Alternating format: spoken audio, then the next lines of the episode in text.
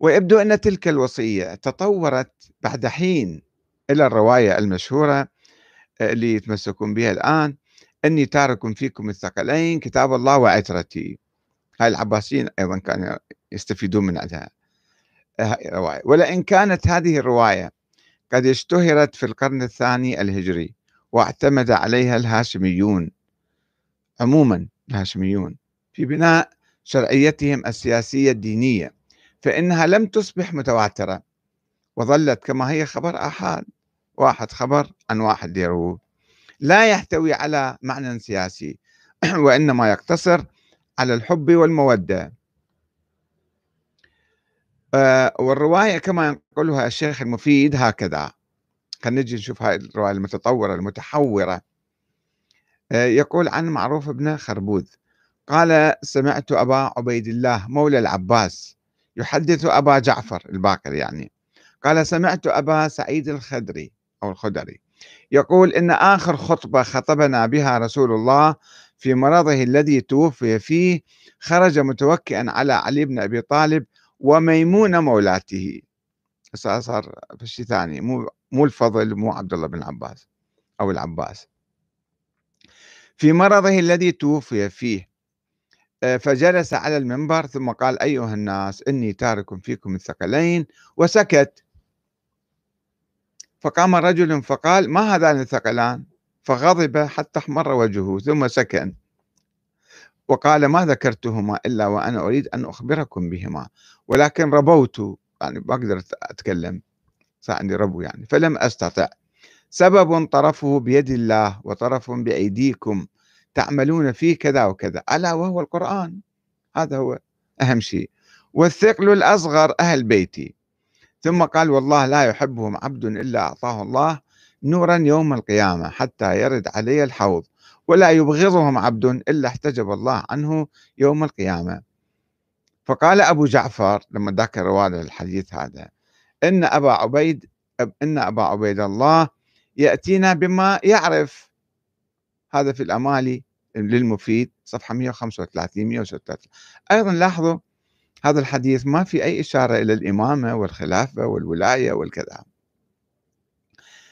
آه، وبالرغم من أن هذا الحديث يعني الوصية لا يحدد من هم أهل البيت ولا يجعلهم أئمة للمسلمين إلى يوم القيامة. واضح إذا واحد من يسمع الحديث ما يفهم عنده أي شيء. فإن الشيخ المفيد اللي هو كان متحمس لبناء فرد مذهب جديد ونظرية جديدة فيحاول يشبث بهذا الحديث. ينقل الشيخ المفيد رواية أخرى أوضح منها ولكنها بدون سند وهاي الروايات هكذا دائما تأتي. أصلا بعد ما يجي بالسند هو ما يجي بالسند الشيخ المفيد. ويدعي أنها هاي الرواية ما جاءت به الرواة على اتفاق واجتماع من قوله عليه السلام. وهي متفق عليها وين من كيف متفق عليها؟ وأول الكلام هذا. الرواية اللي ينقلها يقول أيها الناس النبي قال يعني إني فرطكم راح أروح أنا وأنتم واردون علي الحوض. ألا وإني مسائلكم عن الثقلين. فانظروا كيف تخلفوني فيهما. فإن اللطيف الخبير نبأني أنهما لن يفترقا حتى يلقياني. وسألت ربي فأعطانيه. ألا وإني قد تركتهما فيكم كتاب الله وعترتي أهل بيتي. فلا تسبقوهم فتفرقوا ولا تقصروا عنهم فتهلكوا أو لا تقصروا عنهم. ولا تعلموهم فإنهم أعلم منكم. ألا وإن علي بن أبي طالب أخي ووصيي يقاتل بعدي على تأويل القرآن كما قاتلت على تنزيله. هذا في كتاب الإرشاد جزء واحد صفحة 180 وهناك روايات أخرى مشابهة يرويها الصفار. الصفار كان في نهايات القرن الثالث الهجري من أشهر المحدثين الشيعة وهو مغالي جدا طبعا. كتابه لو تقرؤون كتاب بصائر الدرجات فيه من الغلو الكثير. فهو ينقل أيضا روايات آه، عن الباقر عن جابر بن عبد الله الأنصاري. هذا آه، الصفار. محمد بن فروخ الصفار اسمه. يقول إن رسول الله جابر يقول إن رسول الله قال إني تارك فيكم الثقلين. إن تمسكتم بهما لن تضلوا ولا تبدلوا. الثقل الأكبر كتاب الله والثقل الأصغر أترتي وأهل بيتي. ولا يزال ولا يزال كتاب الله والدليل منا هذا هنا الباقر دي يتكلم. دي يروي عن ذاك وهو صار يضيف يعني. والدليل منا يدل عليه حتى يرد علي الحوض. في بصائر الدرجات صفحة 122 123 ورواية أخرى يذكرها الصفار فيقول إني تارك فيكم الثقلين ما أن تمسكتم بهما لن تضلوا. كتاب الله وعترتي أهل بيتي فإنهما لن يفترقا حتى يرد علي الحوض.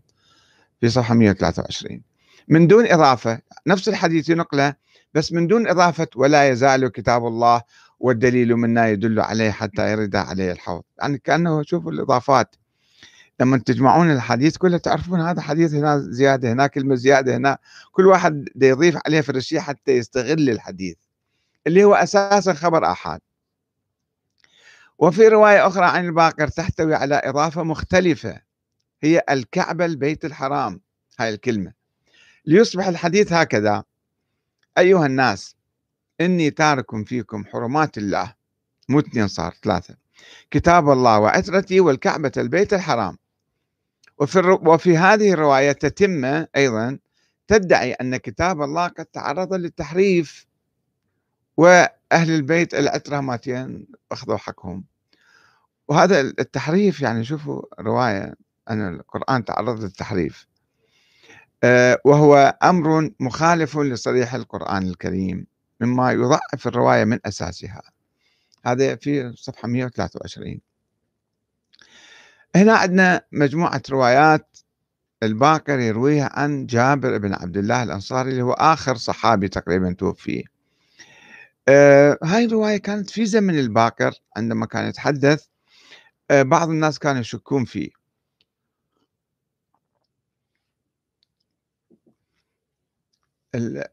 الرواية كانت موضوع شك وأصلا روايات الإمام الباقر آه، سنجيب لكم الإمام صادق ماذا يقول عنها. وحسب ما ينقل العالم الرجالي الشيعي المعروف في القرن الرابع الهجري. أول عالم رجالي تقريبا الكشي آه، ينقل عن الإمام الصادق. يقول يعلق على هذه الروايات والروايات أخرى طبعا. يقول فإن أهل المدينة لا لاحظوا بصورة عامة دي يتكلم. فإن أهل المدينة كانوا ينكرون على الباقر روايته عن رسول الله. لأنه كثير من روايات الباقر يقول قال رسول الله قال رسول الله. فأهل المدينة كانوا يقولون أنت ما شايف رسول الله منين تنقل؟ وين منين جبت الرواية هذه؟ كانوا يشككون في صدق كلام الباقر. ويقولون ما رأينا أحدا قط أكذب من هذا. يحدث عن من لم يره. هذا الإمام الصادق ينقل عن أبيه. مو أحمد الكاذب ينقل. الإمام الصادق في أهم كتاب رجالي اللي هو الكشي. في القرن الرابع الهجري لاحظوا كانوا يقولون ما رأينا قط أحدا قط أكذب من هذا يحدث عن من لم يره.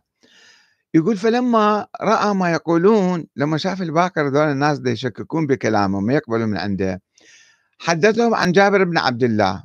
كان يقول أوه هذا رواية جابر قال لي كذا. فصدقوه فصار الروايات تمشي لأنه يعني يقول جابر عن رسول الله.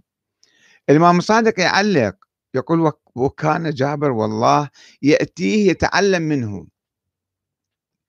هذا كلام أيضا ادعاء يعني شلون جابر يتعلم من من الباكر ويعني يكاد يقول الإمام الصادق أن الإمام الباكر كان يألف الروايات على النبي. هاي في كتاب الكشي في ترجمة جابر بن عبد الله الأنصاري. راجعوا أي واحد يراجع الآن.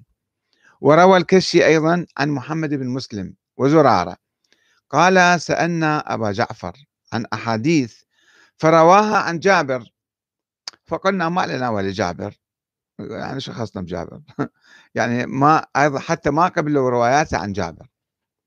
هذه رواية خطيرة جدا حقيقة. تنسف كثيرا من الروايات ركاما هائلة من الروايات. وإذا صح هذا الحديث فإنه لا يتضمن معنى الإمامة والخلافة. أصلا حتى لو قبلنا الحديث الأولي وإنما الوصية بالأسرة أو أهل البيت. ولا دلالة في الكلمتين على حصر الإمامة في ذرية علي والحسين. هاي منين طلعت بعدين؟ هاي بعدين صارت زمن الإمام باكر. كما قال الإمامية اللي ألفوا هاي النظرية في ذلك الزمن في بداية القرن الثاني الهجري. الذين رووا عن الباقر هذول الإمامية صاروا يرون روايات. هسه ناس كثير كانوا يكذبون على أهل البيت. و... وناس كانوا يشكون حتى بأقوال الباقر والصادق فيقولون هذول الإمامية اللي رووا آه، تفسير كلمة أهل البيت من هم أهل البيت؟ إذا افترضنا الرواية صحيحة كتاب الله وعترته من هي؟ من هم العترة؟ عترة عشيرة كلهم الهاشميين كلهم. يعني العباسيين حتى فيهم غيرهم. آه، فشلون صارت العترة يعني 12 واحد؟ يعني الباقر والصادق والكاظم هالسلسلة هذه. كما لا دلالة في الحديث على كون أحد من العترة بالخصوص دليلا على القرآن وكما قالت إحدى الروايات أنه ولا يزال الدليل منا يدل على القرآن. ما في الكلام هذا. أو مختصا بتفسيره وترجمته وتأويله كما قال الإمامية أن الأئمة فقط هم اللي يفسرون القرآن ويفهمون القرآن ويحتكرون ترجمته وتأويله. هذا كما يقول الكليني في الكافي في كتاب الروضة حديث رقم 5494 على 6 وحديث رقم 597 شوفوا يعني الحديث كله حتى لو صح هو في كلام في أن هذا الحديث تطور وتمحور وتغير وتبدل وأضيف إليه ونقص من وشوه.